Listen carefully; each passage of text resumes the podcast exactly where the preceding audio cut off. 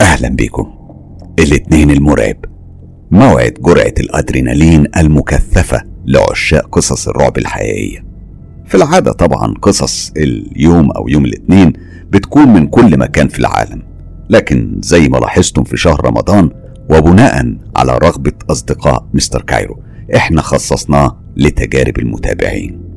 بصوا بقى الليلة هنعيش أربع تجارب من العيار الثقيل وهبدأها حالا.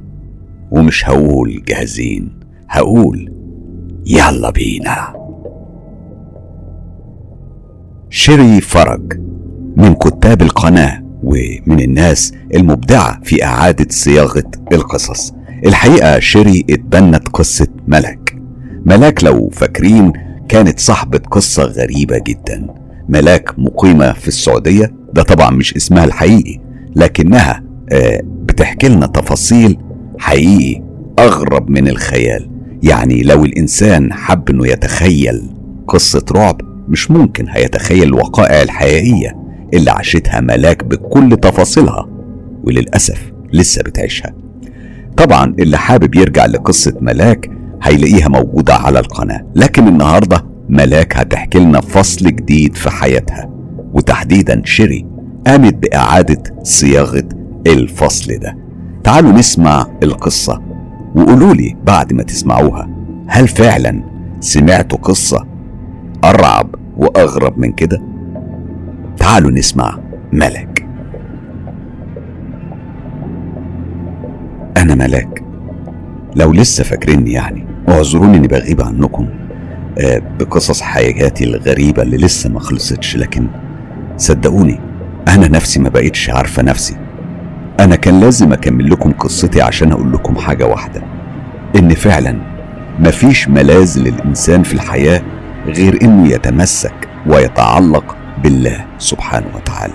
مهما كانت المغريات في البدايات النهايات حتما بتكون مؤلمة ومظلمة.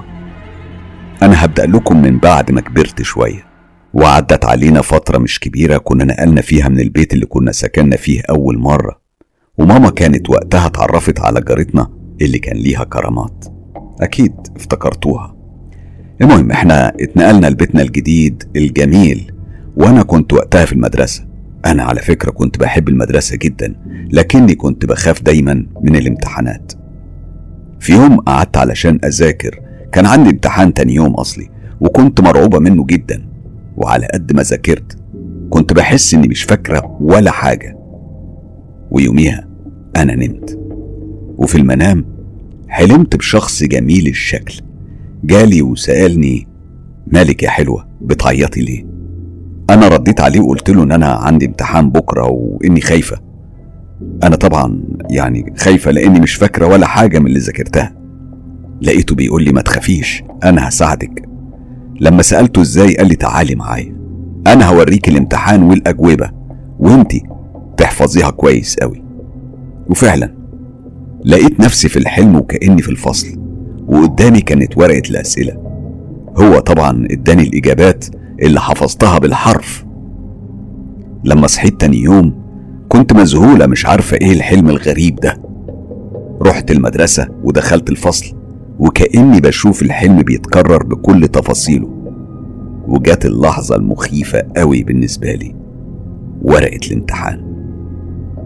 المفاجأة لقيت نفس الأسئلة. هي هي.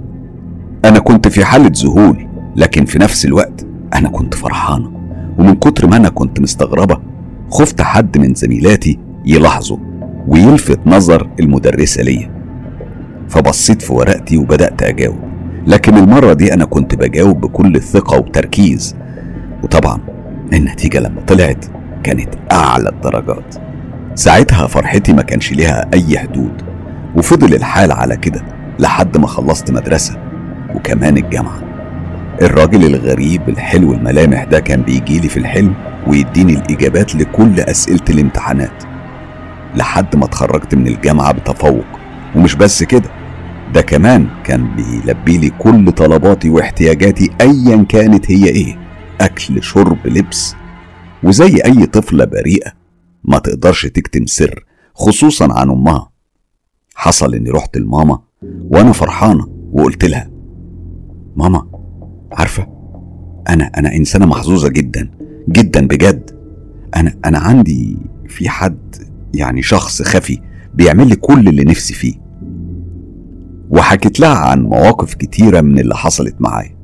ماما طبعا ضحكت وما كانتش مصدقاني وقالت لي طيب يا حبيبتي خلي الشخص الخفي بتاعك ده يجيب لنا خروف محشي رز ويكون سخن ويا ريت بقى معاهم شوية فاكهة. أنا رديت بفرحة الأطفال وكأني بضحك مع ماما وقلت لها تصدقي أنا كمان نفسي في الأكلة دي. وبالفعل. على الساعة 2 بالليل يعني توقيت مستحيل حد ممكن يخبط على حد فيه. لقينا الباب بيخبط. كان واحد صديق لبابا. كان جاي وجايب معاه اللي ماما طلبته بالظبط. الأكل كان سخن وريحته لذيذة تجوع الشبع يعني تجوع الشبعان. ماما اتخضت وقتها واتفزعت وفضلت تبص بذهول ما كانتش مصدقة عينيها. لكن أنا ضحكت وقلت لها ما تخافيش يا ماما. أنا مش لوحدي. هو على فكرة بيعمل لي كل اللي بطلبه. ومرت الأيام. المدرسة خلصت وجت أجازة الصيف وفي يوم كنت نايمة على حوالي الساعة أربعة الفجر صحيت على أصوات على باب الشقة. قمت بصيت على أهلي لقيتهم كلهم في سابع نوم أنا مشيت لحد باب الشقة وبصيت من العين السحرية وهنا لقيت أجمل منظر ممكن طفلة تشوفه في حياتها كلها. أنا شفت أشخاص صغيرين شكلهم غريب زي الأقزام بيلعبوا وبيضحكوا ومبسوطين. أنا حبيت قوي إن أنا ألعب معاهم وفتحت الباب فجأة من غير تفكير لكنهم اختفوا لما ظهر النور. رجعت قفلت الباب وبصيت تاني من العين السحرية لقيتهم رجعوا يلعبوا ويضحكوا تاني. ساعتها أنا فهمت وابتديت أروح ألعب معاهم كل يوم بعد الساعة 3 الصبح. بس والدنيا ضلمة. هم كانوا أصحابي وأنا كنت بسميهم أصدقاء الظلام. عدت الأيام وكبرت. كبرت أحلامي معايا بقى عندي 18 سنة. كنت طول السنين اللي فاتت حاسة إني أكتر إنسانة محظوظة في العالم كله لحد السنة دي. في السنة دي أنا قابلت حب عمري وجوزي اللي ربنا سبحانه وتعالى توفاه في سن صغير. جوزي اللي كان في نظري أعظم إنسان في الدنيا السند والطيبة وكل المعاني الحلوة اللي بتتمناها أي بنت في شريك حياتها. كل الحاجات دي كانت فيه هو. جوزي رحمة الله عليه بالرغم من إنه كان أكبر مني ب 18 سنة إلا إني ما شفتش أي حد في الدنيا يملى عيني زيه عشان يكون شريك لحياتي. بعد ما اخدنا القرار إن إحنا نتجوز بدأت المشاكل. كأن العالم كله كان مستكتر علينا الفرح والسعادة. في الأول أهل جوزي وخصوصا أمه كانوا رافضين جوازنا بسبب الفرق الكبير في السن لكن لأنه هو كان بيحبني ومتمسك بيا قدر يقنعهم بجوازنا. لكن هم من جواهم كانوا لسه رافضين. وللأسف أنا ما سلمتش بعد كده من أعمال السحر والشر في حياتي بسببهم. واسمعوا بقى اللي حصل. ربنا أراده من أول يوم إني أحمل. عصام جوزي لما عرف كان طاير من الفرح والسعادة. السعادة كانت مش سايعاه بجد لكن أهله كانوا مليانين حقد وكره لوجودي في حياته. في الأول بدأت الكوابيس تطاردني. كوابيس مخيفة ومرعبة وكأنها حقيقة. في يوم حلمت بنفس الشخص اللي كان بيظهر لي في أحلامي وأنا صغيرة وبيلبي طلباتي. لكن المرة دي ما جاش علشان يفرحني. كان جاي علشان ياخدني. أيوة. أول ما ظهر لي قال لي أنت بتاعتي أنا ليا أنا. أنا طول عمري جنبك بحاول أسعدك وأعمل لك كل اللي نفسك فيه. أنت لازم تيجي معايا. أنا طبعا رديت وقلت له لأ أنا أنا دلوقتي متجوزة وبحب جوزي وحامل. ابعد عني أرجوك. رد عليا بكل عصبية. لا. انت ليا أنا. ومن النهارده جوزك ده مش هيقدر يقرب لك. تعالي معايا وأنا هوريك اللي عمرك ما شفتيه. وأنا تلقائيا رحت معاه. أخدني تحت الأرض ورحت لعالم غريب ومرعب لمجرد إنك بس تفكر فيه. ولحد النهارده أنا مش قادر أصدق إني كنت في العالم ده. لكن أقسم لكم إن ده هو اللي حصل. لما نزلت معاه شفت أهله وعشيرته. أشكالهم كانت غريبة مش عارفة أوصفهم بإيه. أمه كانت لسه والدة مولود جديد لكن شكله كان مرعب. ودانه طويلة ومدببه وعينيه كانت كبيرة قوي. تحس إنها هتقع من مكانها. ما كانش بيعيط ولا بياكل زي أطفالنا. كمان كان فيه سفرة طويلة لكن عليها نوع واحد من الأكل. عزم علي علشان آكل. وأنا اعتذرت له قلت له إن أنا شبعانه فضل ياخدني ويفرجني على أماكن كتير في مملكته. كان بيوريني محلات وبيغريني بكل حاجة. كل شيء غالي ذهب وغيره.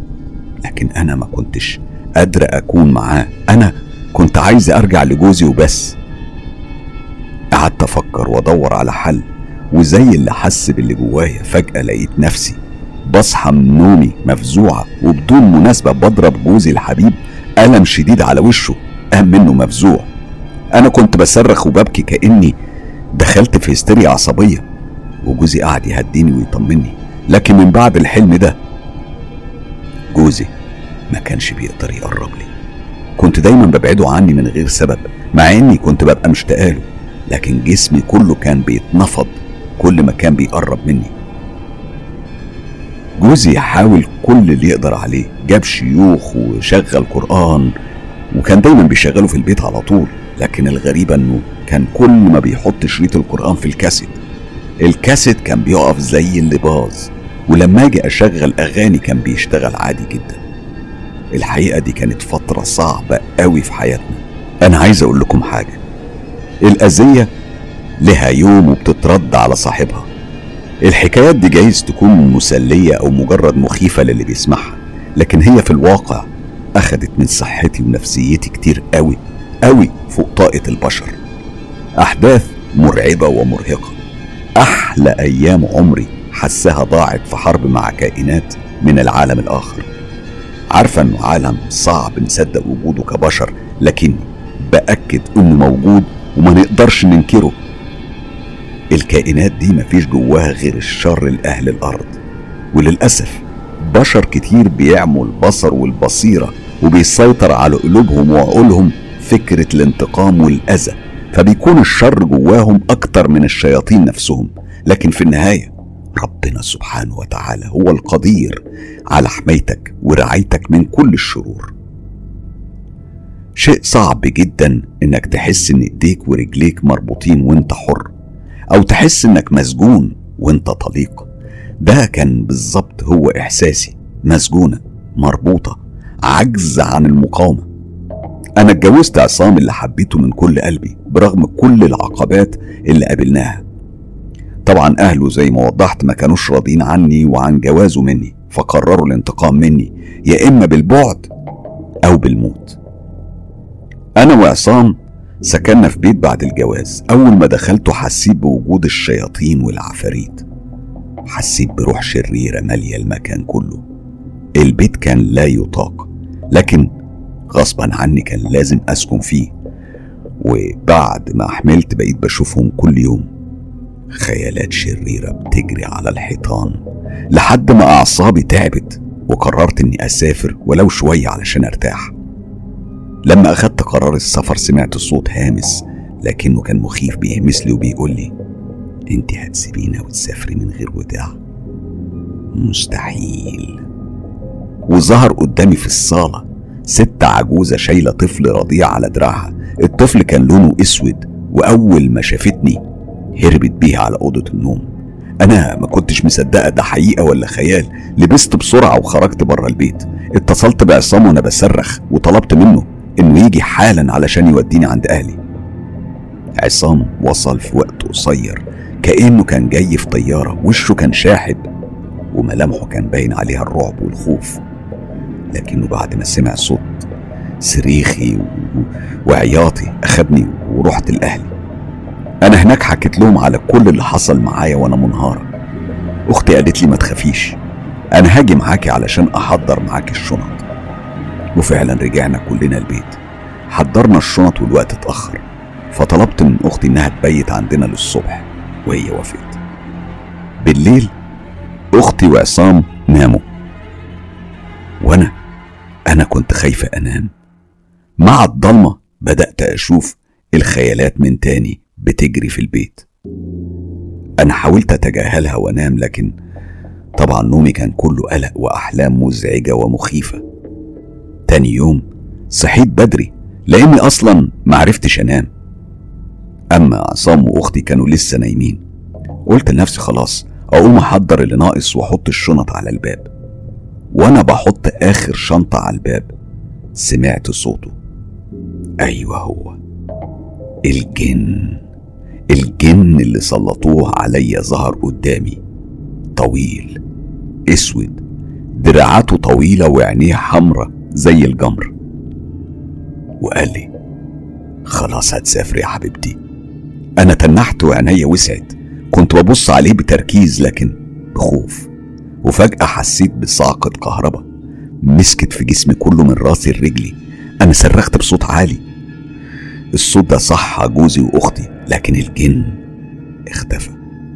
حكيت لهم على اللي حصل. وفضلوا يهدوني. وبعد ما هديت شوية بدأت أجر في رجلي جر علشان كان لازم ألحق الطيارة وأسافر. تصميمي على السفر كان أكتر من الأول وبالفعل سافرت. قعدت بره ثلاث شهور ورجعت قبل ميعاد ولادة بنتي واتولدت غنوة. غنوة بنتي الجميلة البريئة ومش هتتخيلوا أبدا. هي نفس الطفلة اللي ورهاني الجن الصغير الجميل قبل كده. بعد ولادة غنوة بدأ مشوار الأذى الحقيقي. كانوا بيظهروا لي كل يوم وكانوا بيقولوا لي جملة واحدة يا تعملي اللي بنقولك عليه يا هنقتلك وهنقتل بنتك. أنا كنت برد وبقول وأنتوا عايزيني أعمل إيه؟ وكان الرد هو ابعدي عن جوزك لازم تسيبيه. أهله للأسف كانوا عاملين لنا سحر بالفرة بس أنا كنت برفض وبقاوم أنا بحب جوزي بحب عصام ومفيش قوة على الأرض أو تحت الأرض هتخليني أسيبه غير الموت. أنتوا ليه مستكترين علينا الحب؟ ليه بتكرهوني؟ بتكرهوني وأنا بحب ابنكم. أنا كنت دايما بفكر بالشكل ده. كنت كمان ببكي طول الوقت. في يوم أخدت بنتي ورحنا بيت أهلي ونسيت أخد معايا لبنها. فطلبت من أختي وأخويا يروحوا بيتي يجيبوا اللبن وشوية حاجات من هناك. وراحوا دخلوا البيت. أختي دخلت المطبخ علشان تشوف اللبن وأخويا وقف عند باب التلاجة ولسه هيفتحها. حس بواحد من ظهره مسك شعره بقوة بقى يشده ويسحبه في اتجاه باب الشقة علشان يخرجه. أخويا كان بيصرخ وأختي عمالة تجري وراه وتصرخ هي كمان لحد ما خرجوا هما الاتنين. الاتنين فضلوا يصرخوا وعلى طول اتصلوا بجوزي وبعدها اتصلوا بيا. جوزي جه على البيت لقى الباب مفتوح والدخان مليه وأنا أول ما وصلت وقفت على الباب من بره علشان أشوف إيه اللي حصل جوه البيت. أنا اتسمرت على باب البيت وقلت لجوزي إني مش قادر أدخل. مش هدخل البيت ده. إحنا إحنا لازم ننقل من هنا. ده كان كلامي ليه. رد عليا وقال لي تعالي نطلع عند جارتنا فوق يمكن تكون عارفة إيه اللي حصل. وطلعنا. ويا ريتني ما طلعت. جارتنا منها لله هي نفسها كانت بتحضر لنا الجن. وبتحط لهم القهوة وبتعمل لي أعمال السحر. أنا نزلت من البيت وأنا كل ذهول وغضب وعدم تصديق للي بيحصل حواليا. رحت على بيت أهلي وسبت كل حاجة. طلبت من جوزي حاجة واحدة بس يا ننقل يا يبلغ عن الجارة دي ويحبسها.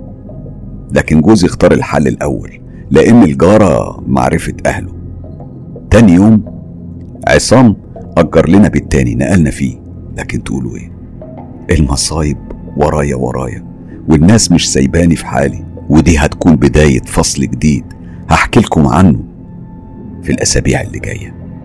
لو حابين تسمعوا باقي قصة ملاك قولوا كملي يا ملاك واكتبوها في خانة التعليقات. طبعا بشكر شيري فرج على مجهودها في إعادة صياغة القصة بالشكل الأدبي اللذيذ اللي استمتعت وأنا بقرأ أشكرك. شيري فرج التجربة دي تجربة صغيرة. بيحكيها لنا محمد زغيب. محمد زغيب من أصدقاء القناة واللي حابب إن هو يشاركنا بتجربته. أنا هقرأ لكم الرسالة زي ما بعتها حرفيا. هي رسالة من سطور قليلة لكنها بتقول كلام كبير قوي.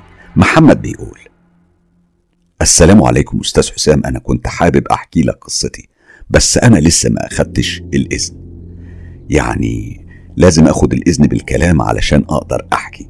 بس أنا هحكي لك اللي كان بيحصل معايا قبل ما أدخل عالم الجن. أولا أنا زوهري مفتاح الكنوز. أول حكاية حصلت لي كانت وأنا في سن عشر سنين. كنت بشوف بالليل الحيطان بتاعت الأوضة بتنزل دم وكنت بشوف خيال أسود. وكان الخيال ده دايما يطلب مني إني أنط من البلكونة. وكان دايما بيحصل إنه يقرب مني بس زي ما يكون في حاجة منعانا من إن إحنا نشوف بعض. يعني كنت بشوفه كخيال ما بشوفوش زي ما بشوفه دلوقتي. طبعا الموضوع ده كان بيتكرر معايا. لحد ما في يوم أنا قررت أروح وأطلع على سور البلكونة زي ما بيطلب مني وأنا كنت عامل زي ما أكون مغيب عن الوعي. وبالفعل رحت قعدت على منشر الغسيل. وهنا لقيت صوته في وداني بيقول لي ارمي نفسك. وفجأة لقيت الخيال بيتبخر زي الدخان. فقت لقيت نفسي على المنشر وكنت مرعوب خايف أحسن أقع خصوصا وإحنا ساكنين في دور علوي. وفجأة لقيت واحدة بتشيلني وبتدخلني جوه الأوضة. وبعدها الواحدة دي اختفت تماما. أنا جريت صحيت والدتي وقلت لها على اللي حصل. قالت لي أنت كنت بتحلم ومفيش حاجة من دي. وقتها أنا قررت إن أنا أنام معاها وبدأت أشوف الست اللي كانت دايما بتكون مرافقاني في كل مكان وكنت دايما أحكي لماما عليها وهي تقولي دي تهيؤات لغاية في يوم لما كنت بلعب ووقعت الفازة واتكسرت. أمي ضربتني ضرب جامد جدا يوميها لدرجة إني زعلت منها قوي وفي نفس اليوم بالليل كان الباب بيخبط. كانت تروح تفتح لقت واحدة على الباب بتقول لها لو ضربت محمد تاني هزعلك وهنأذيكي أمي كانت بتقول لها طب أنت مين؟ سابتها ومشيت وهي ماشية. أمي كانت بتندع عليها بصت لقت رجليها. رجل مايز أمي خافت طبعا وحكت لوالدي اللي قال لها علشان تحرمي تمد إيديكي عليه. أمي قعدت فترة طويلة على الموضوع ده ونسيت. وبالفعل ضربتني تاني. بعدها وقعت من الدور التاني في البيت في الشارع من غير ما يحصل لها حاجة. أنا قلت لها إن ده تحذير وإن هما اللي بيحصل ده بيحصل من عندهم لأنهم بيحموني. أنا طبعا أول ما هاخد الإذن بالكلام هحكي بقى كل تفاصيل الحاجات اللي أنا عشتها من سن عشر سنين لحد دلوقتي. لكن قبل ما أختم رسالتي ليك أنا بعت لك صور فيها كف إيدي وهتلاقي عليها كل العلامات اللي بتأكد إن أنا زوهري. أتمنى تكون آه، القصة بتاعتي آه، واضحة وأتمنى إن أنا يسمحوا لي بالكلام قريب علشان أحكي لك باقي حكايتي. أنا محمد زغيب الزوهري مفتاح الكنوز. بشكر محمد على القصة آه، اللي بعتها لنا أو على التجربة. هي طبعا تجربة قصيرة جدا عبارة عن رسالة بعتها محمد وأنا بصراحة كنت محتار يعني أوظفها فين في الحلقة. لكن أعتقد إن أنا أقرأ لكم الرسالة زي ما وصلتني هو أفضل طريقة إن إحنا نعرف محمد بيحاول يقول لنا إيه. عموما إحنا في انتظار محمد يرجع لنا بباقي قصصه. وطبعا هكون متشوق جدا إن أنا أعرف تفاصيل أكتر عن الحاجات اللي بيحكي عنها دي لأن مش هو لوحده اللي بيحكي عن حاجات من النوع ده. لو تفتكروا الفتى الطائش اللي زعنا له أكتر من قصة وتفاصيلها قريبة قوي من قصة محمد زغي ده لو كان بيأكد بيأكد إن فعلا لازم يكون في عالم تاني موازي زي عالم صيان الفتى الطائش محمد وغيرهم وغيرهم حتى ملاك القصة اللي سمعناها هتلاقوا فيها برضو تفاصيل قريبة قوي من التفاصيل دي. هل معقولة كل الناس دي اللي ما بتعرفش بعض اللي موجودين في كل مكان في العالم يعني كل الناس دي من جنسيات مختلفة وكلهم بيتكلموا في تفاصيل واحدة قريبة جدا من بعض؟ ده أعتقد إنه مؤشر على وجود عالم أتمنى إن إحنا ما نقربش منه أكتر من كده. التجربة دي بعتتها لنا لينا من الجزائر. لينا من أصدقائي الغاليين جدا في الجزائر واللي بتعيد صياغة أحداث آه، قصة سمعتها من واحدة صديقتها وهي قررت إن هي اللي تكتب القصة وتبعتها لنا وتحكيها لنا وتسيب لنا إحنا الحكم على التفاصيل. تعالوا نسمع لينا بتقول إيه. مساء الورد على الجميع. مساء هرفع لكم فيه كمية الأدرينالين في دمكم وهضيف لمسة من التشويق والرعب لحياتكم اللي ممكن تكون في لحظات ما تكون مملة. وأسفة لو كنت هبعدكم شوية عن مشاغلكم بس التجارب الحقيقية دي مش هتحكي نفسها ومش هتليق إلا بقناة مستر كايرو. علشان كده محبي مستر كايرو ومعجبينه وجبتكم النهاردة دسمة لأن التجربة دي على قد ما هي مرعبة. على قد ما هي محيرة. التجربة دي حصلت مع بنت أنا لسه متعرفة عليها وزي ما مستر حسام بيقول الفضول خطيئة الإنسان الكبرى. أنا كمان بقول إن الفضول أول باب لجهنم. خلونا نبتدي. رؤية بنت من ولاية غير ولايتي بتدرس في نفس جامعتي. لسه أنا متعرفة عليها جديد. وفي مرة كنا قاعدين بندردش وكنت بحكي لهم عن تجربة أنا سمعتها في قناة مستر كايرو. لما خلصت كلام قالت لي هو أنت بتصدقي الحاجات دي؟ قلت لها أكيد. الجن والعفاريت عالم على قد ما يعني حاولنا إن إحنا ننكر إن هو موجود بيفرض نفسه على العالم. ده عالم بحاله. بنعرف عن طريقه تجارب ناس غريبة. لما كملنا كلام لقيتها أخدتني على جنب وقالت لي طب أنا لو حكيت لك هتصدقيني؟ قلت لها في إيه؟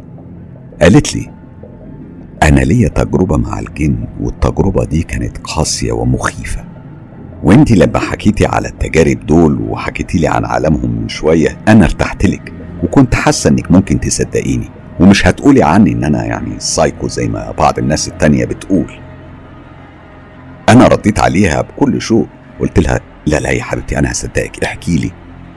قالت لي طب تعالي وخلينا نروح نقعد في حتة ونعرف نتكلم. وبالفعل إحنا رحنا قعدنا في مكان. إيه هي لما حكت حكت لي على تجربة دسمة. التجربة دي أنا كنت عارفة إنها هتشبع رغبتي في معرفة المزيد. قعدنا وشربنا شاي. هي بدأت كلامها بمقولة. أنت عارفة مقولة الصاحب ساحب؟ دي كانت عبرتي من التجربة اللي أنا عشتها.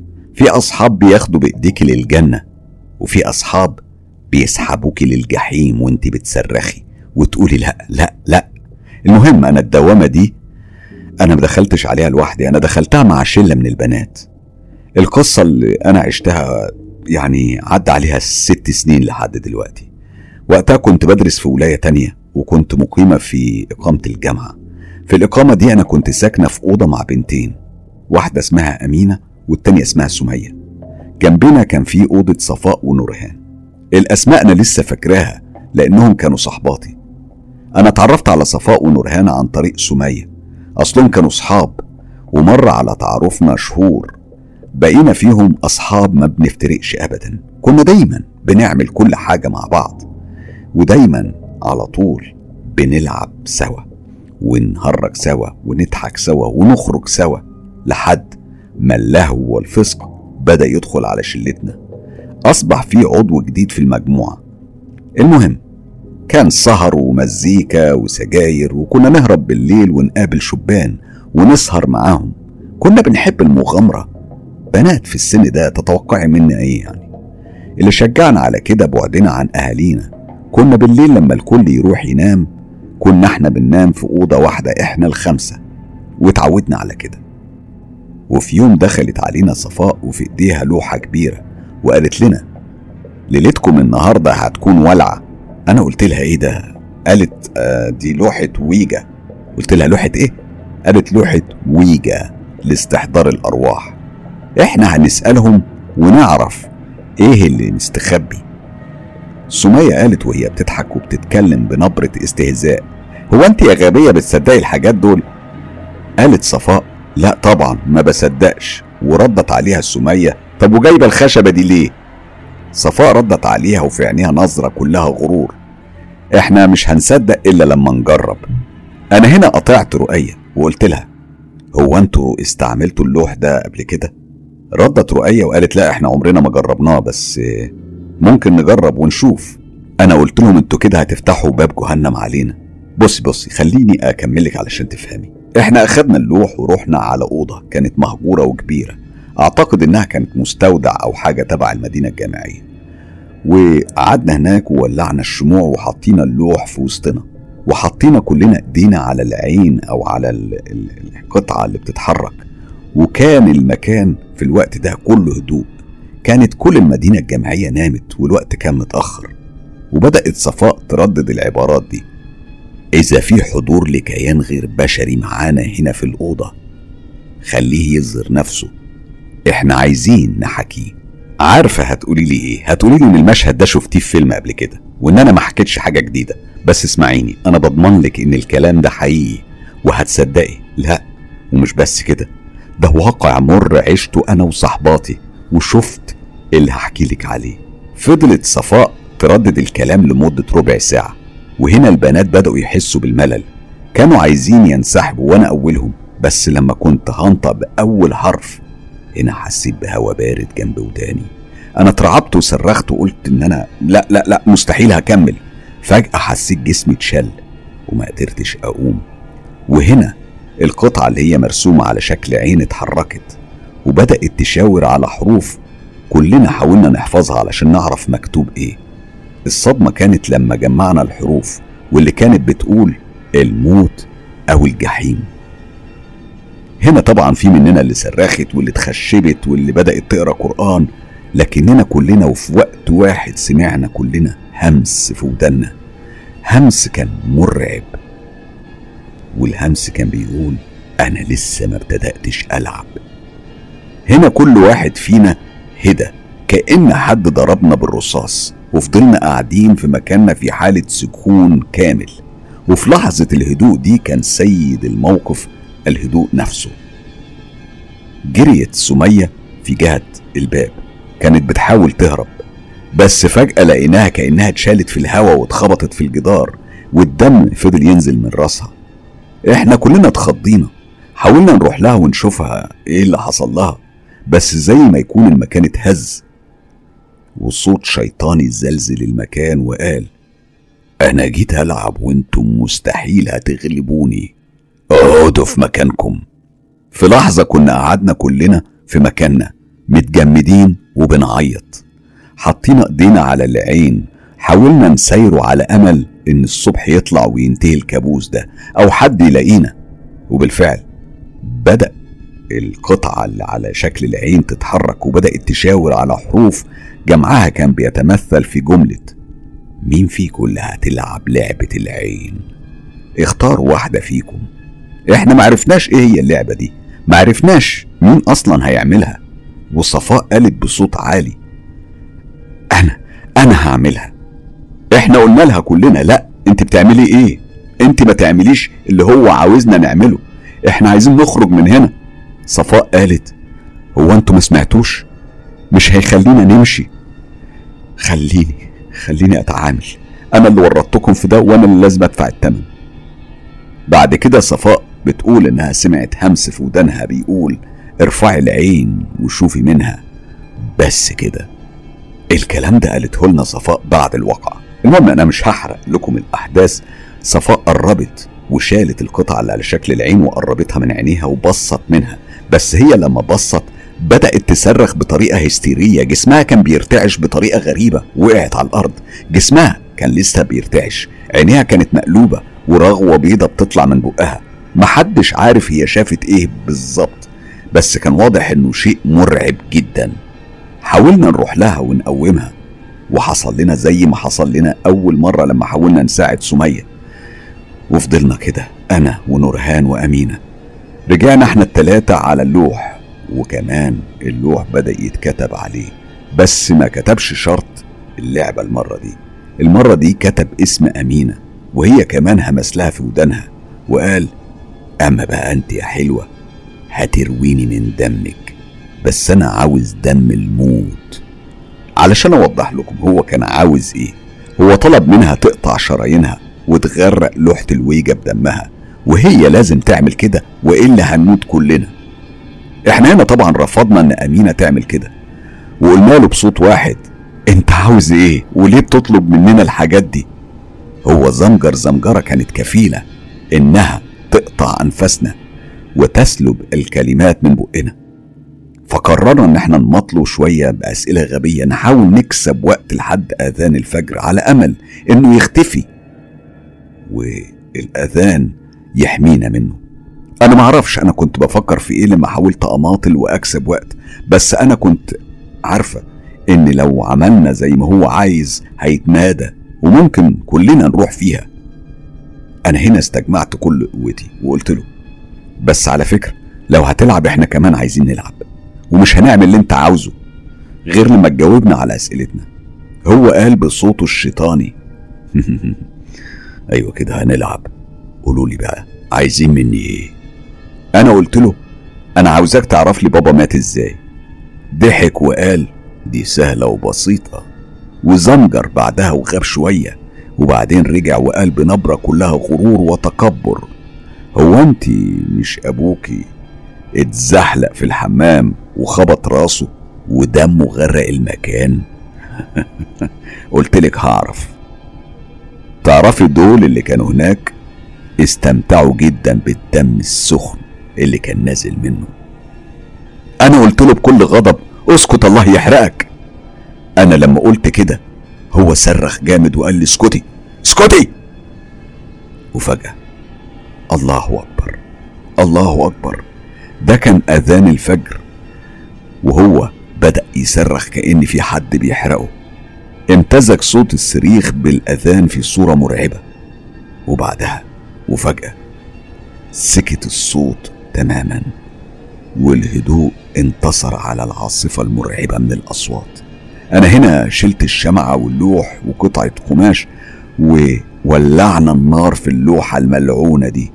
كنا بنزود القماش على النار اللي كان عمالة بتزيد وبتلتهم في اللوحة واتفحمت تماما.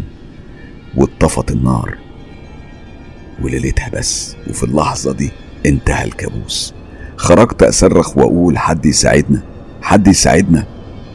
وبالفعل جم الإدارة بتوع الجامعة وساعدونا. وطبعا إحنا أخدنا لفت نظر بسبب الضجة والمشاكل اللي صنعناها في الليلة السودة دي. البنات اتاخدوا على المستشفى وإحنا طبعا على التحقيق. وحصلت كل الأمور الروتينية. وسألونا كتير وحكينا لهم على كل اللي حصل بس للأسف مفيش حد صدقنا. لأن لوح الويجا كان كله اتحرق. بس الحمد لله إحنا نفدنا منها. اتسجل المحضر على إنه حادث واللي حصل معانا ده اعتبروه إنه حاجة مش مفهومة أو حاجة استثنائية. وبما إن مفيش حد قدم شكوى ضدي خلاص اتسكرت القضية. إحنا الخمسة تبنا بعد كده. قربنا من ربنا أكتر وتعلمنا إن إحنا لو كنا عاوزين نستمتع أو نخوض مغامرة في مليون طريقة غير عالم الجن. أنا بعد ما سمعت قصتها قلت لها رؤية هو في حاجة شغلاني هو كان إيه الكيان ده؟ وهو حقيقي أبوكي مات بالشكل ده؟ رؤية قالت لي معرفش معرفش هو إيه بس اللي حيرني هو عرف إزاي بابا مات. المهم إن ربنا نجانا بأقل الخسائر. وإن شاء الله يا رب قصتي تكون عبرة لكل الشباب اللي بيحاول إن هو يلعب بألعاب سحر وشعوذة ودجل والحاجات اللي من النوع ده. أنا بعدين قلت لها هي صفاء؟ قالت لكم هي شافت إيه بالظبط؟ قالت لي آه صفاء المسكينة فضلت ست شهور ما تنطقش بولا حرف لكنها فضلت تتعالج عند الدكاترة النفسيين وهناك هم أكدوا علينا وعلى أهلها إن إحنا نخليها تنسى اللي شافته. هي دلوقتي بتتحسن. أما التانيين فإصابتهم ما كانتش خطيرة. يعني الحمد لله عدت. رؤية ما كانتش ضحية من ضحايا لعبة الويجا. رؤية كانت ضحية من ضحايا الفضول. الفضول اللي تسبب في كفر ناس وفي جنون ناس وكمان تسبب في موت ناس. اللي إحنا نعرفه أعتقد يكفينا. علشان كده لازم نفضل بعاد وما نحاولش نعرف كتير لأن الفضول خطيئة الإنسان الكبرى. أو الفضول أول باب لجهنم. افهموها زي ما تحبوا. بشكر لينا على تفاصيل التجربة المرعبة للبنات في المدينة الجامعية. الحقيقة فكرة المدن الجامعية ووجود شباب لوحدهم بدون إشراف من أسرة أو من أهل بتسبب كتير من المشاكل اللي من النوع ده. وأنا قريت في تجارب كتير من النوع ده. أنا نفسي شخصيا وأنا شاب صغير وأنا في الجامعة اتعرضت لحكايات كتير أوعدكم هخصص لها حلقة كاملة live نحكي فيها قصص مستر كايرو في المدينة الجامعية أو بالتحديد أيام الجامعة. من أصدقاء قناة مستر كايرو منى. منى وأنا مش هقول اسمها بالكامل صديقة عزيزة وغالية عليا بنت بلدي بنت المحلة الكبرى. الحقيقة منى حكت لنا قبل كده في بعض الحلقات عن لعنة موجودة في أسرتها. اللعنة دي إن بنات العيلة اللي بيموتوا محروقين دايما بيتحرقوا ويموتوا في اليوم الخامس. دي لعنة موجودة في العيلة عندهم ومعرفوش يتخلصوا منها واتوفى بسببها على الأقل ثلاث بنات لحد النهارده. ثلاث بنات من أجيال مختلفة في نفس الأسرة. منى النهارده هتحكي لنا عن جانب جديد في حياتها. تفاصيل مخيفة. تعالوا نسمع منى وأنا احكي لكم بنفس الكلام اللي هي قالته وبدون إعادة صياغة. يعني هحكي كأن منى فاتحه قلبها وبتحكي لكم عن تجاربها مع كيانات العالم الآخر. أهلا بيك صديقي العزيز حسام. أنا هنتهز دلوقتي الفرصة والأولاد في المدرسة. عايز احكي لك جزء من حياتي أنا وولادي من يوم ما حملت فيهم. هحكي كل تفصيلة وعاوز الكل يسمع بقلبه اللي أنا عشته ولسه بعيشه. بس قبل اي حاجة أنا عاوز حضرتك تبلغ صديقة عمري علا اللي شجعتني ان أنا اكتب حكايتي بعد ما خليتها تسمع آخر حاجة انت نزلتها عني. وفرحت قوي اني بدأت اطلع اللي جوايا. هي قالت لي احكي لي على اللي بيحصل معاكي من يوم ما حملتي. طبعا أنا حكيت لها عني حاجات كتير يعني هي عندها علم مسبق بالأحداث لكن هي لما سمعتها بصوتك فرحت قوي من أسلوبك في تغيير الأصوات. ودلوقتي أنا عاوزاها تقرأ وتعرف إني بحبها جدا هي وأي حد من طرفها. امبارح علا كانت بتقولي إنها بتستمد قوتها مني. ما تعرفش إن الحقيقة إن أنا اللي بستمد قوتي منها. وإن حياتي من غيرها الله أعلم كان هيبقى شكلها إيه. بحبك يا صديقتي. اسمح لي بقى أحكي لك على الغرفة الممنوعة. أنا عندي أول أوضة في الشقة اللي هي جنب الباب. تعتبر غرفة جلوس صغيرة. فيها تلفزيون وطقم كنب وأنا مختاره الألوان بالأخضر والأسود. كمان الستاير لونها أخضر والسجاد وكل حاجة فيها أخضر. علشان كده إحنا مسمينها الغرفة الخضراء. كل شيء فيها كان مريح جدا وتمام. اولا عشان الألوان ثانيا عشان كنا دايما بنقيم معظم الصلوات فيها وقراءة القرآن وده لأنها بعيد عن باقي الشقة ومتميزة بالهدوء النسبي. أنا عندي مشكلة في ظهري من سنين ومفيش أي حاجة نافعة معايا. الحمد لله على كل شيء حتى العمليات الجراحية ما نفعتش معايا ولا علاج طبيعي ولا أي شيء لدرجة إن أخويا شك في الموضوع. وجاب لي في يوم شيخ صاحبه. صاحبه ده كان له في الروحانيات وكده والعلاج بالقرآن. كنت أنا في أجازة في مصر وجاب لي الشيخ ده عنده في البيت. قرأ على دماغي قرآن. وتخيل اللي حصل. أنا أربكت الشيخ ده وخليته ما يعرفش يقرأ. بصراحة في حاجة جوايا ما كانتش طايقة إن أنا أشوفه. المهم يومها بقيت كل ما يقرأ حاجة أكمل وأكمل بداله. في الآخر قلت له إيه يا عم الشيخ؟ أنت مش عارف تقرأ ولا إيه؟ ولا مش حافظ؟ بصراحة أنا كنت واعيه لكل حاجة لكن أنا معرفش أنا كنت بكلمه إزاي كده. المهم هو طلب يشوف كف إيديا. اتريقت عليه وقلت له أنت إيه؟ هتقرأ لي الكف كمان؟ قال لي كمان عاوز أشوف رجليكي من تحت القدم. يعني كل ده طبعا كان في وجود أخويا. المهم بعد ما شاف قعد يقول ما شاء الله. أنا قمت قعدت واتعدلت كده وبصيت في عينيه بكل حدة وقلت له أنت ولا شيخ ولا بتعرف أي حاجة. أقول لك حاجة كمان نظراتك ليا بتقول إنك بتشوف فيا إن مفيش ست على وجه الأرض زيي. وفاجئته وقلت له أنا عجباك مش كده؟ الراجل ارتبك ومعرفش يتكلم. قلت له طبعا. عاوز رقمي.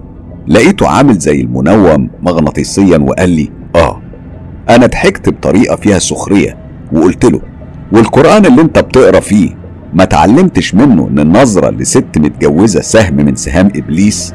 ما تعلمتش إن عيب تبص لأخت صاحبك المتجوزة؟ والراجل بقى هو وأخويا واقفين يبصوا لي وهم مبرقين ومش مستوعبين حاجة. أصلا كأن واحدة تانية اللي كانت بتتكلم. أنا والله أصلا طبعي خجولة جدا وما بقدرش أكلم حد. ولا حتى أبص وأنا بتكلم. وعمري عمري ما بعرف أبص في عين حد غريب عني. قمت وسبتهم. الراجل أو الشيخ ده قال لأخويا أختك ما عليهاش حاجة بس القرين بتاعها اللي كان بيتكلم. واعترف له إن كل كلمة أنا قلتها كانت صح. شوفوا البجاحة. بيقول لأخويا إني عجباه وإنه حبني من قبل حتى ما يشوفني وإن قريني كلم قرينه وهي عرفت اللي جوايا من كده. أخويا كان موقفه سلبي قوي. يا دوب قال له دي متجوزة. قال له بس سيبك من كل ده. أختك فيها حاجة لو استخدمتها هتساعد ناس كتير قوي.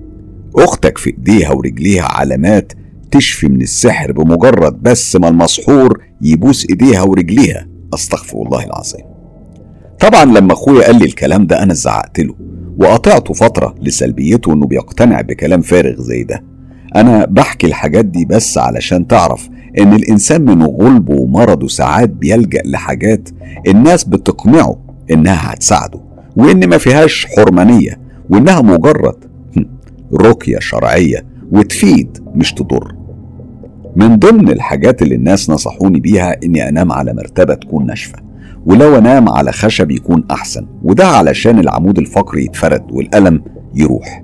أنا جربت كل حاجة في النهاية. قلت خلاص هنام في الغرفة الخضراء وده لأن طقم الكنب كان جديد وناشف والنوم عليه كان مريح جدا. وبالفعل أنا ارتحت شوية. لما بقيت أنام فيها وكانت الأمور تمام لحد ما جوزي جاب فيها حاجة غيرت كل شيء. جوزي من الناس اللي بتحب تقتني التحف القديمة. القديمة قوي يعني. وكان بيروح أماكن هنا في فيينا بيسموها Flohmarkt دي مخصصة لبيع كل ما هو قديم. هو كان دايما يروح هناك ويجيب تحف قديمة قوي وبسعر كويس. كانت دي يعني متعته في الحياة. ومن ضمن الحاجات دي كانت تماثيل لبشر أو حيوانات. هو اشترى أرفف وعلق عليها التحف دي في الأوضة دي. ومن بعدها بقيت لما أدخل أنام فيها وأقفل على نفسي الباب كنت أحس بعدم راحة وما كنتش بقدر آخد نفسي نهائي. كأن روحي بتطلع. أنا كنت بسمع صوت أو أصوات متداخلة ومهما أقرأ قرآن مفيش حاجة بتتغير. والله والله كنت بسمع صوت البراويز المتعلقة والساعة بتاع الحائط كنت بسمعهم بيقعوا وبسمع صوت الإزاز وهو بيتكسر ولما أقوم وأفتح النور ألاقي كل حاجة تمام ومفيش أي حاجة. كل يوم نفس الحاجات دي كانت بتحصل. في مرة كنت لسه ما نمتش أصلا لقيت حد لابس أسود.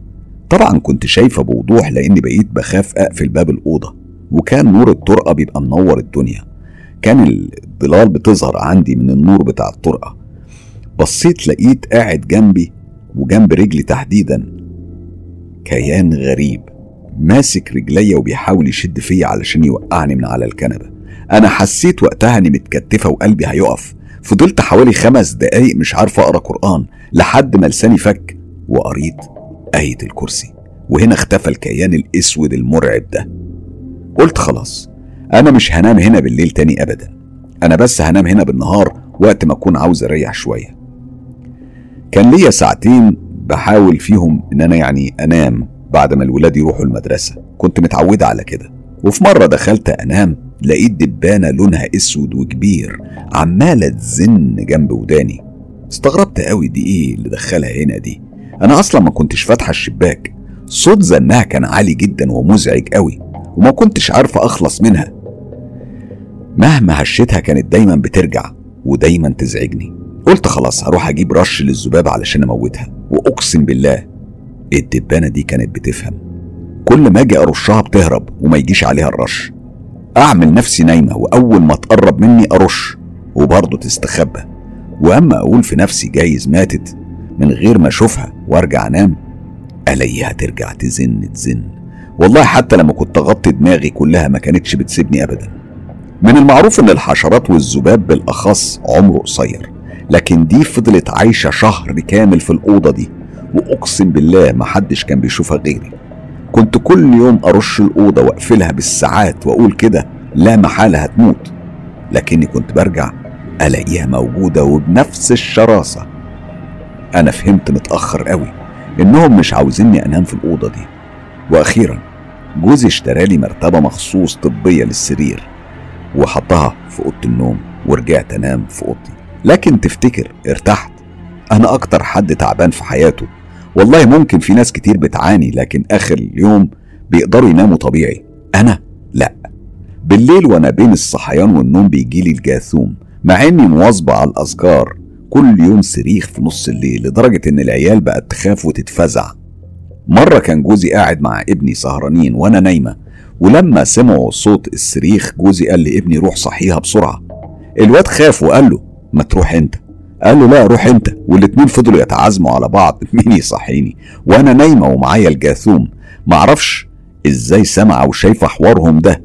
الولد خايف يجي يصحيني وقال لباباه والله ما أنا رايح ناحيتها. وأنا عارف مين معاها. تخيل أستاذ حسام اللي بيجرالي وأنا لوحدي. أول ما جوزي وولادي بيمشوا الصبح بدخل أوضتي أكمل نوم وأسمع قصص لحد ما أروح في النوم. كنت بعمل كده لكن كنت بحس إني مش لوحدي. أول ما بيمشوا بسمع ناس بتجري بره في الطرقة. بسمع صوت المفاتيح. السرير بيتهز بيا كأنه زلزال. والله والله ده حصل مع إني بكون مشغله التلفزيون على القرآن الكريم دايما الصبح. أنا حرمت أنام فترة الصبح وقتي بقضيه إزاي؟ بنزل أمشي في الشوارع في عز البرد من خوفي ورعبي وأرجع على ميعاد رجوع جوزي وأبدأ في شغل البيت. طبعا كل ده مجهود غير عادي خصوصا وإن ظهري تعبان ومحتاجة بعض الراحة علشان أقدر أخدم ولادي اللي خدمتهم مش أي حد يقدر عليها. أكيد فاهمني. شيل وحط وتنظيف تقريبا بعملهم كل حاجة أنا بعملها بنفسي. كل اللي ممكن يجي في دماغك. أرجوك ادعي لي وخلي الأصدقاء يدعوا لي إن ربنا يشفيني ويقويني. كمان ادعوا لأبويا وأمي وأختي بالرحمة والمغفرة. عارف يا أستاذ حسام أنا إيه اللي معذبني؟ أنا دايما بحس بالتناقض. بحس إن جوايا شخصين. شخص بيأمرني بالمعروف وينهاني عن المنكر وشخص بيعذب فيا وعاوزني دايما مريضة ومشتتة. شخص بيقول لي احمدي ربنا على كل نعم وشخص عاوزني أميل للهوى والمنكر. يعني في فترة من الفترات كنت أقدر إني أشوف الفنجان وكنت بشوف كل حاجة صح وبشهادة جوزي وأصحابي والناس اللي تعرفني لكني بلاقي صوت بيقول لي ما تعمليش كده تاني. وأعند وأقول ده مجرد شيء بعمله للتسلية ومش بتربح منه لحد ما بقت تحصل لي حاجة تمنعني إني أشوف أي حاجة في الفنجان وأشوف مجرد بقايا بن وبتحصل لي دوخة وصداع مجرد ما بحاول أفتحه. شخص بيصحيني للفجر وشخص تاني بيقول لي نامي. شخص يقول لي يلا قومي سيب اللي في ايديكي وقومي صلي واقري قرآن. والتاني يقول لي لو قمتي أنا هأذيكي. كل ده بسمعه في وداني. وبرغم الأذى الجسدي واللسعات اللي بحس بيها في كل مكان في جسمي إلا إني بسمع كلام الشخص الطيب في معظم الأحيان. تفتكر ده صوت الضمير اللي جوه كل شخص فينا؟ ولا بجد أنا معايا حد طيب وبيحميني من نفسي الأمارة بالسوء وبيحمي أولادي في بداية حملي بعد ثلاث سنين جواز. جوزي ما كانش مصدق إني حامل. السبب إن إحنا لفينا على الدكاترة كتير وكلهم قالوا مفيش أي مانع للحمل. بس جوزي كان باصص إن ليا تلات إخوات بنات. محدش فيهم خلف. وهو كان فاكر إن الموضوع وراثة عندنا وإن أنا كمان مش هخلف. ربنا يسامحني بقى لأني سمعت كلام حماتي اللي قالت لي يا بنتي روحي الشيخ يشوفك. ولو قال نفس كلام الدكاترة يبقى خلاص نستنى. أنا جوزي كان رافض الموضوع ده رفض تام لكن من كتر الزن على وداني أنا رحت. الشيخ ده كان في بلد أو في مكان في بلد أرياف وبيته كان من البيوت القديمة المبنية بالطوب الني. كان باب البيت أنا لسه فاكراه لونه أخضر وكبير كده من بتوع زمان. أنا لما دخلت لقيت جوه ناس كتير قوي. كلهم ستات على رجالة وقاعدين على الأرض. قلت في بالي يا نهار مش فايت أنا هستنى كل دول. ده أنا على ما يخلصوا مش هلاقي مواصلات أرجع بيها المحل. كان في واحدة ست شكلها كانت مرات الشيخ. طلعت واتكلمت والكل سكت علشان يسمعوها. لقيتها بتقول اللي من بلاد بعيدة زي المحلة وطنطا هم اللي هيدخلوا الأول للشيخ علشان يلحقوا المواصلات ترجعهم بيوتهم. بالمناسبة الشيخ ده ما كانش بياخد فلوس خالص وكان بيعالج لوجه الله. أنا قلت لها أنا أنا أنا أنا من المحلة قالت لي طيب اقعدي هنا. أنا قعدت واستنيت حوالي ساعة ولقيتها خرجت وقالت لي تعالي الشيخ مستنيكي. الشيخ أول ما دخلت لقيته راجل كبير في السن لكن واضح عليه إنه يعرف ربنا. لقيته بيقول لي قولي لي يا بنتي إيه مشكلتك؟ أنا حكيت له إني بقالي ثلاث سنين متجوزة وما خلفتش. قال لي طيب رحت للدكتور يا بنتي. أنا أنا ما خليتش حد. ماشي. تعالي اقعدي هنا على الأرض قدامي. حط إيديه على راسي وقرا قرآن شوية كده وبعدها قومي يا بنتي. أنت ما فيكيش أي حاجة. بس خلي بالك دايما خليكي مع الأذكار. قلت له بقراها على طول ومن صغري. المصحف مش بسيبه أبدا. الحمد لله لازم يوميا أقرأ ما تيسر. ما هو ده اللي مخلي اللي حواليك متغاظين منك ومش عارفين يعملوا معاكي إيه؟ مجرد ما هتبطلي ويلاقوا الفرصة مش هيترددوا أبدا إنهم يأذوكي. وإن شاء الله ربنا هيكرمك بدون تدخل من أي حد. أنا فرحت قوي بكلامه ورحت يوميها وأنا سايباها على ربنا. بعد فترة أختي اقترحت عليا اسم دكتور شاطر. قالت لي طالما مفيش حاجة منع الحمل لا عندك ولا عند جوزك يبقى تعالي للدكتور ده. وتابع عنده فترة التبويض. وربنا يكرمنا. إحنا في الفترة دي كنا في رمضان سنة 2003 فاكراها كويس جدا. كان وقتها رمضان بيجي في الشتاء. كشف الدكتور عليا وقال لي ما شاء الله أنا شايف الوضع كويس. وقال لجوزي بنظرة فرح خد مراتك أنا ماليش شغل أنت بقى يا بطل اللي عليك الدور. ضحكنا يوميها كلنا. وروحنا على البيت. حصل بينا اللي بيحصل بين الأزواج. وكانت بالصدفة ليلة من الليالي الفردية في أواخر رمضان. أنا استبشرت خير. وفضلت طول الليل أصلي وأدعي ربنا إن دي تكون ليلة القدر. وربنا ينولني اللي في بالي. نمت بعد الفجر. وفي العيد حلمت بطفلين ولاد. والشخص اللي كان بيلبس طربوش جه وبشرني في يوم حسيت بمغص ورحت عملت تحليل حمل. لما النتيجة طلعت جوزي ما كانش مصدق. خدني ورحنا للدكتور اللي قال إني حامل في توأم. طول ما أنا حامل كنت بقرأ قرآن وأحط إيدي على بطني وأرقيهم وأدعي ربنا وأقول يا رب يا رب اجعل ولادي من أهل الجنة. يا رب يا رب يكونوا من عبادك اللي هيدخلوا الجنة بلا حساب. والحمد لله دعوتي استجابت. لما تم الحمل خمس شهور جوزي بعت لي من النمسا دعوة علشان أسافر أولد هناك. أنا كنت فرحان قوي إن أخيرا شملي هيتلم أنا وجوزي. أصل برضه يعني الجواز في بيت عيلة بيكون حاجة صعبة خصوصا لو الزوج مش موجود. قلت بقى خلاص هخلص من المشاكل وأكيد مش هحكي طبعا عن نوع المشاكل دي لأن بجد نفسيتي مش قادرة إني أعيد حاجات مؤلمة. وطبعا دي أسرار بيوت وملهاش علاقة بالجانب اللي قناة مستر كايرو مختصة فيه. أنا بحكي بس الحاجات اللي بتخوف. المهم يا صديقي أنا سافرت النمسا. كان عمري في الوقت ده 23 سنة وكنت حامل في الشهر السادس.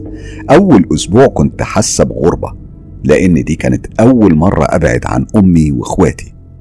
الشقة اللي جوزي كان عايش فيها كانت في بيت قديم قوي من أيام هتلر. الخشب كل خطوة كان بيعمل صوت تزييق بس كانت كل الأمور طبيعية وكنت مبسوطة مع جوزي. أول مرة نكون لوحدنا بعيد عن المشاكل وضغوطات الأهل وكده يعني كان وقتها جوزي قاعد من الشغل اللي كان فيه وكان فاضي ليا أنا وبس. عشنا أجمل أربع شهور قبل الأولاد ما يتولدوا. كنا بنلعب ونهزر ونتفرج على مسلسلات وأفلام يعني كانت أجازة طويلة. بس ما كنتش بقدر أخرج من البيت لأن الحمل كان متعب جدا جدا. وأنا كنت خايفة من أي مجهود. ما هم يعني ما جوش بالساهل. ربنا يكرم ويرزق كل مشتاق يا رب. وجه يوم الولادة. وفي نفس اليوم جوزي ربنا رزقه بشغلة كويسة. يعني جم برزقهم زي ما بيقولوا. بس عيب الشغل ده إن جوزي كان بيمشي الساعة خمسة المغرب ويرجع ستة الصبح. لما ولدت ورجعت البيت كان العيال لسه صغيرين بيبيهات يعني وكانوا مغلبيني ومفيش نوم واحد يصحى التاني ينام. على طول الوضع كان مستمر. كنا نايمين في الأوضة. وهنا أنا سمعت صوت خطوات حد في المطبخ. صوت التزييق كان عالي جدا. الساعة كانت اتنين بعد نص الليل. أنا قلت في نفسي إيه ده جوزي رجع بدري ولا إيه؟ أنا فرحت وقمت علشان أشوفه. المفاجأة كانت إني لقيت المطبخ فاضي ومفيش حد. الشقة أول ما كنت تدخل من بابها كان أول حاجة بتقابلك المطبخ. مش زي نظام مصر باب الشقة يدخل على الصالة وبعد كده بتبقى متقسمة أوض ومطبخ. لأ هنا كان النظام القديم. تدخل من باب الشقة على المطبخ على طول. أنا قلت في عقلي يمكن جايز الجيران اللي فوقينا ولا حاجة. بس هم الناس أصلا هنا في البلد دي بتنام بدري مش زينا كمصريين نحب السهر. لما جوزي جه الصبح حكيت له. فبقول له الناس اللي فوقينا طول الليل عاملين دوشة وصوت تزييق الخشب ما خلانيش أنام. رد فعل جوزي كان غريب. هو قال لي ناس مين يا هبلة؟ ناس مين اللي, اللي فوق دول؟ قلت له الجيران. قال لي تعالي تعالي هوريكي حاجة. فتح باب الشقة ووراني أغرب حاجة. باب صغير بيطلع على فوق. المفاجأة إن لقيت فوق ده كان سطوح البيت. يعني أصلا مفيش جيران فوق البيت. كان البيت عبارة عن ثلاث أدوار وإحنا كنا ساكنين في الدور الثالث وأنا معرفش هو قال لي مش مشكلة جايز صوت الخشب بيريح ولا حاجة. لكن في الليلة التانية وأنا برضه سهرانة بعيل من العيال وكنت قافلة باب المطبخ لأنه كان بيدخل برد لأوضة الجلوس. وبالمناسبة إحنا كنا بننام فيها لأن دي كانت الأوضة الوحيدة اللي فيها تدفئة. المهم سمعت صوت الباب بتاع الشقة بيتفتح برضه الساعة اتنين. وسمعت صوت أطباق وصوت مفاتيح جوزي وخطوات رجليه. قمت برضه علشان أبص. قلت أكيد بقى ده جوزي المرة دي. صوت مفاتيح وصوت أطباق لأن يعني جوزي ما كانش عمره يصحيني أعمل له أكل أبدا. هو أصلا ما يصدق يلاقيني نايمة علشان هو عارف العذاب اللي أنا فيه من قلة نوم وسهر ليل نهار. لما طلعت برضه ما لقيتش حد. إشمعنى يعني يوم أجازة جوزي مش بحس ولا بسمع أي حاجة من دي؟ طول الأربع شهور ما كانش فيه أي حاجة. أنا اترعبت وعشت أرعب فترة في حياتي. إحساس مرعب بجد إنك تسمع حاجات وأنت لوحدك. ولما تحكي محدش يصدقك. والله والله. أنا فضلت في الموال ده ثلاث سنين ولما أحكي محدش يصدقني جوزي كان يتريق عليا ويقول لي انت أصلا ملبوسة وغريبة. أنا كنت الفترة دي اللي هي أول سنة من ولادة عمر ومعاذ ما كنتش بقدر ولا لاقي فرصة إني أقرأ في المصحف زي ما أنا متعودة. وكنت بصلي الفرض بتاع ربنا بالعافية. والله غصب مش تقصير. حقيقي الغربة مع طفلين توأم ومفيش أي نوع من أنواع المساعدة والمساندة من الأم والأهل بيكون صعب أوي أوي أوي. وأي ست متغربة هتحس باللي بقوله ده. في يوم العيلين كانوا على رجلي وكانوا متغطيين باللحاف. ولما ناموا قلت أحطهم في مكانهم بالراحة لأن أي حركة كانت بتصحيهم. جيت أشيل اللحاف لقيت هوا بارد جدا عدى قدام وشي. مع إن الجو كان دافي وكنت مشغلة الدفاية. طبعا ما كانش فيه أي مصدر للهوا ده. أنا اترعبت وفضلت أستعيذ بالله. أنا كنت بفضل حابسه نفسي أنا والعيال في الأوضة من أول ما جوزي يمشي لحد تاني يوم. كنت باخد اللي يكفيني قبل ما يمشي من أكل وشرب وحليب للعيال. حتى المية كل ده كان بيبقى جنبي لأني بقيت أخاف أخرج من الأوضة. كنت بخاف أروح المطبخ وبفضل مزنوقه وعاوزه الحمام والإفراج من الحبس ده كان بيكون بس لما النهار يطلع وجوزي يرجع. كمان والله والله ولادي وهم نايمين كان بيطلع منهم أصوات غريبة زي صوت الزمجرة كده صوت تخين ما يخرجش من بيبي أبدا. مرة يعني والمرة دي عمري ما شفت حد عنده بيبي بيطلع أصوات بالشكل اللي أنا سمعته ده. واحد منهم وهو نايم كان بيطلع منه صوت كان بيخليني أترعب عليهم وأجري وأخدهم في حضني وأرقيهم لحد ما الصوت ده يسكت. والله الصوت كان كأنه في كائن جوه ولادي. الصوت ده مش صوتهم ابدا ده غير التشنج اللي كان بيحصل معاهم في نفس لحظة خروج الأصوات دي. والله على ما أقول شهيد. الشقة دي اللي أنا حاليا عايشة فيها شقة كبيرة وحلوة. ومناسبة لينا كأسرة مكونة من خمس أفراد. الشقة دي حصل لي فيها حاجات كتير. لكن خليني قبل ما انسى وتوه الأحداث.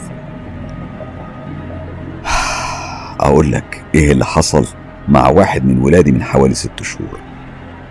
في يوم أنا كنت مرهقة جدا وأنا متعودة إن أنا ما نامش قبل ما الولاد تنام بس حقيقي أنا اليوم ده كنت مرهقة قوي. دخلت نمت وطلبت من جوزي وابني الكبير إنهم قبل ما يناموا ينيموا. ابني التاني ده. ابني ده ما بيحبش يقعد مع حد خالص غيري. يعني طول ما أبوه وأخوه وأي حد غريب موجود في المكان مستحيل يقعد معاهم. أنا كنت سايباه بيلعب في التابلت في أول أوضة جنب باب الشقة. الشقة عبارة عن أول ما تدخل تلاقي طرقة كبيرة. على شمالك تلات أوض جنب بعض وعلى يمينك اتنين حمام وأوضة خزين صغيرة. في نهاية الطرقة على الشمال ال living room والمطبخ والاتنين مفتوحين على بعض. كل أوضة مفتوحة على التراس وكله بيوصل على بعضه. أنا بشرح الشقة علشان تعرف موقع ابني هو كان في أول أوضة وأنا في الأوضة اللي في النص وابني التاني وباباه في ال living room يعني بعيد جدا عن آه، ابني بطل القصة أو بطل التجربة. الاتنين دخلوا ناموا وبما إن ابني ملوش حس أصلا في البيت وده دايما لأنه مش بيعرف يتكلم. الاتنين ناموا ونسيوا ياخدوه معاهم. آه هو كمان المفروض بيجي ينام جنبي لأنه مش بينام غير معايا. وهو وسمرة لأني بحب أهتم بيهم وهم نايمين لأن أبوهم نومه تقيل وابني لو قام دخل الحمام محدش هيحس بيه. كمان بنتي. كتير تصحى في نص الليل وبتكون محتاجة ليقوم يقعد معاها لحد الصبح. المهم على الساعة حوالي اتنين كده أنا لقيت نفسي برتعش من البرد. مع إن الدفاية كانت شغالة وفي نفس الوقت لقيت إحساس إن فخد اليمين والشمال محروقين من فوق الركبة. كان إحساس فظيع جدا كأن اتكب عليهم مية مغلية.